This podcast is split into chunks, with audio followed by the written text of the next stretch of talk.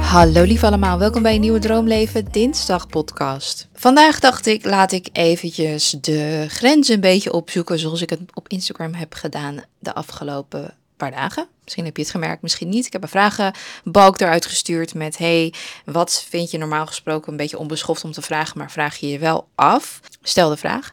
Dus um, ik dacht, dat ik op een paar van die vragen wat dieper in kon gaan in deze podcast. Omdat er wel wat meer over te zeggen valt. En ik vind dat dus wel interessant. Laten we eens even gewoon beginnen met uh, een van de nieuwere vragen. En dat is: wat voor ziekte heb je?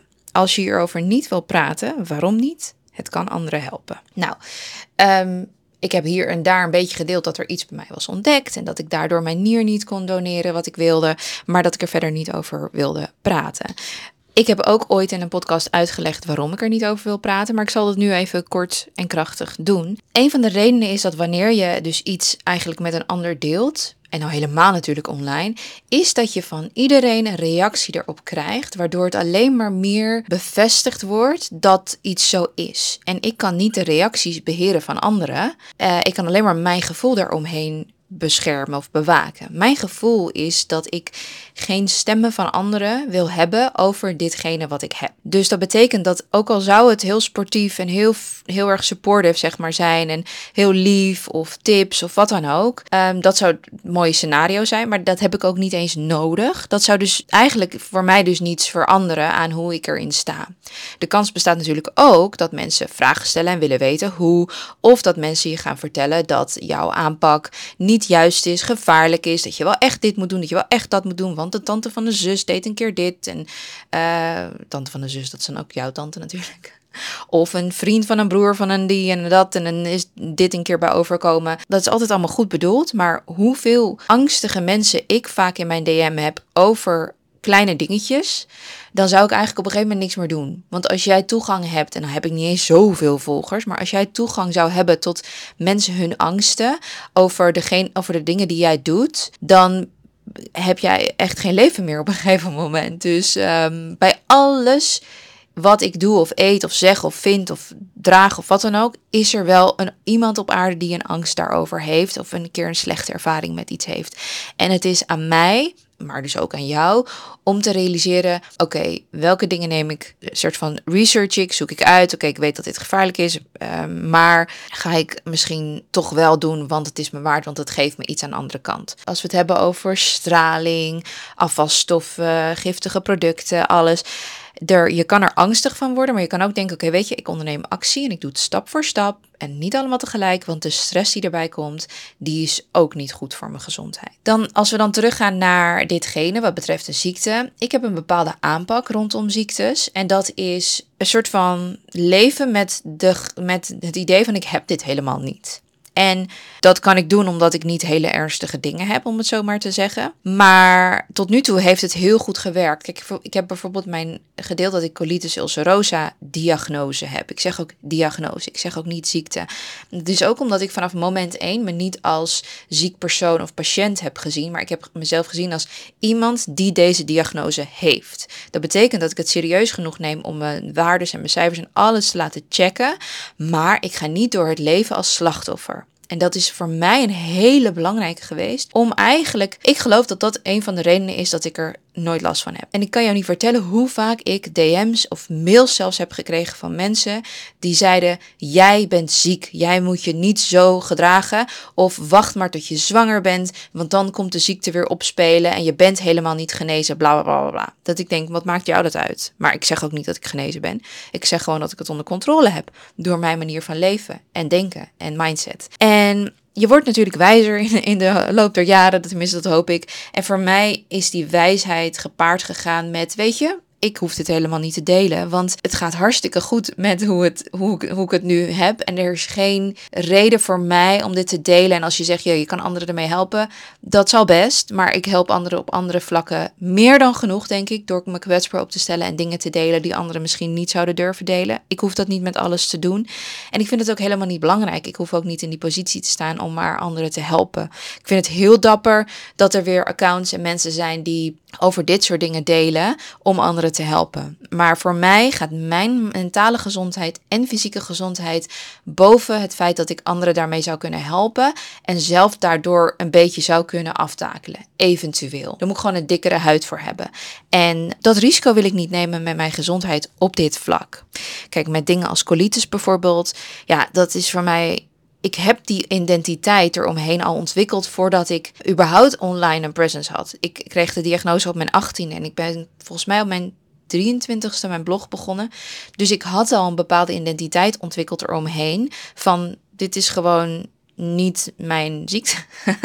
ik ben niet ziek, zeg maar. Ik heb deze diagnose. En het is voor mij, omdat, ik het, omdat dit is ontdekt terwijl ik natuurlijk online allemaal dingen deelde en zo, is het voor mij te kwetsbaar om te gaan kijken hoe, hoe ik mentaal eronder ga zijn als mensen zich ermee gaan bemoeien. Als ik nog niet een soort van cirkel rond moment heb gehad met, ah, zo heb ik het allemaal onder controle. Laat ik het zo zeggen, als, er, als mijn gezondheid wordt gecheckt, wat het één keer per jaar met onder, met dit ding wordt gecheckt, is het aan de cijfers niet te zien dat ik deze ziekte heb. Dus het lijkt allemaal meer dan gezond te zijn. Meer dan zeg maar überhaupt op mijn leeftijd iemand qua gezondheid. Zeg ik, dat is een hele rare zin. Maar laten we dat nog even een paar jaar doorzetten.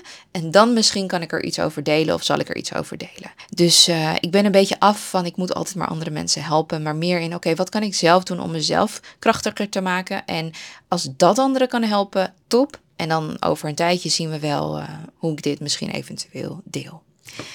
Dus dat. Even kijken. De volgende vraag is: ik vraag me gewoon oprecht af hoe je altijd zo'n gezonde mindset kan hebben ik heb niet altijd een gezonde mindset, maar ik heb wel, ik zeg maar, ik leg wel de bouwstenen voor de gezonde mindset. Dus ik ga voor mijn gevoel niet terug of zo. Er is een bepaalde ontwikkelingsfase. En als ik een ander level heb bereikt, dit komt heel erg voor in Bodyboost. Als je het volgende level hebt bereikt, voor mij, ik kan niet terug naar een ander level. Want ik weet wat ik weet. Het is alsof ik jou iets leer over komkommers, selderij en boerenkool.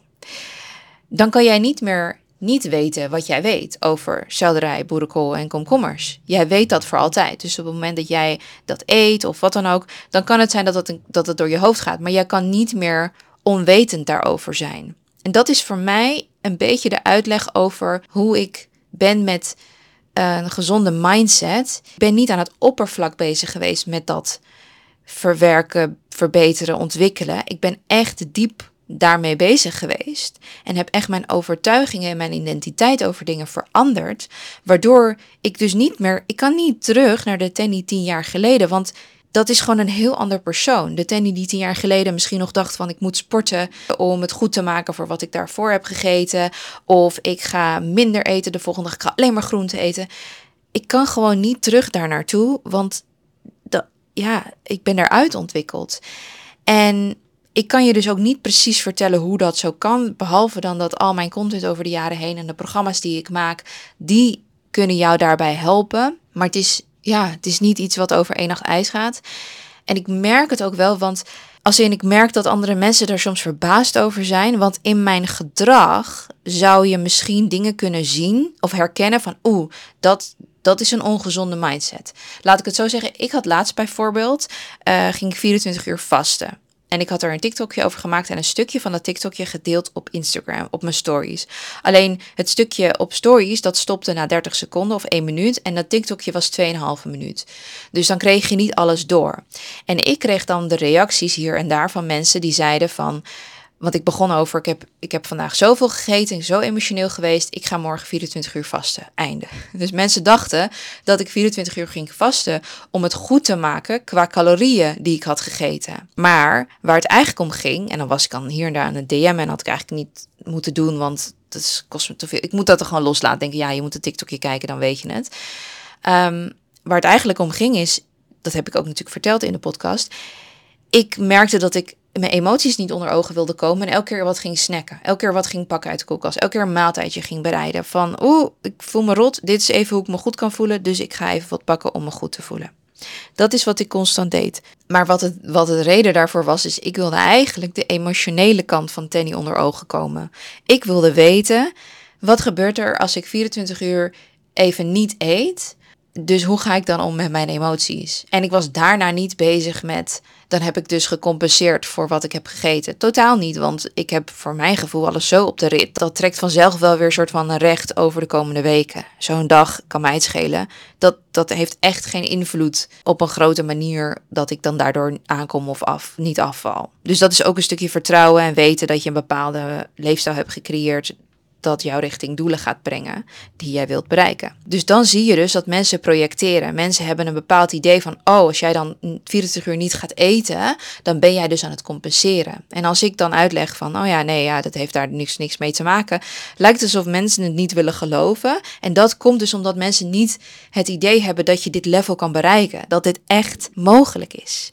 En het enige wat ik kan doen is gewoon doen wat ik doe. En dat je daar de eh, soort van nuggets of wisdom uitpakt voor jezelf en gaat toepassen en proberen. Alleen ik denk dat het belangrijkste is dat jij gaat geloven dat het kan. Dat jij gaat geloven dat het mogelijk is. Want zodra jij gelooft dat het mogelijk is, dan zet jij dus de stappen daar naartoe. Maar als jij denkt dat jij er voor altijd mee zou struggelen, dan, dan blijf je in die loop natuurlijk. Laat ik even door naar de volgende en ook meteen de laatste. Want dan, ja, misschien als jullie dit leuk vinden, laat me het weten. Want dan doe ik wel vaker dit soort podcasts. Even kijken. Waarom komt je vriend nooit meer in beeld? Nou, daar heb ik een podcast over gemaakt. Laat ik toch even een andere nog pakken. En dat is wat, waar je Pinterest, what do you use Pinterest for? Is in het Engels gesteld, vind ik heel leuk altijd. Um, see you always having it around or open. Nou, Pinterest gebruik ik dagelijks voor inspiratie. Mocht je mijn YouTube video hebben gekeken over manifesteren, dan weet je wat ik daarmee doe. Ik um, gebruik het dus echt als tool om te kijken van, oeh, wat wil ik op dit moment in mijn leven hebben? En elke, elk plaatje waar ik een soort van een kriebelend onderbuikgevoel van krijg, waar ik dus echt enthousiast van word, dat sla ik dan op. En dan, uh, ja, dan weet ik een beetje wat ik dan ongeveer wil voor mezelf in het leven. En dat gaat dan door fases. Dat is ook elke keer met seizoenen verandert dat. Dus op dit moment wil ik bijvoorbeeld heel graag naar New York. In een soort van winterseizoen. Maar het grote kans dat ik in januari alweer iets zomers wil, zeg maar. Dus voor mij is het een mentale ehm, stimulans voor weten waar ik naartoe aan het werken ben. Ik heb dat echt nodig van buitenaf. Dat is ook in mijn human design te zien.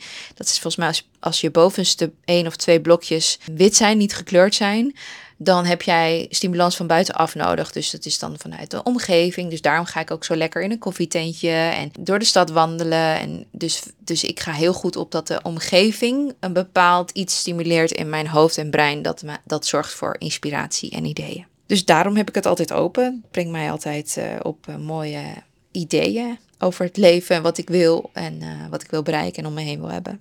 Nou, dat was hem voor vandaag. Ik hoop dat jullie dit een leuke podcast vonden. Laat het me weten. Um, stel me gerust uh, heftige vragen. ik ben benieuwd. Misschien komen daar wel mooie onderwerpen of antwoorden uit voor, uh, voor jullie.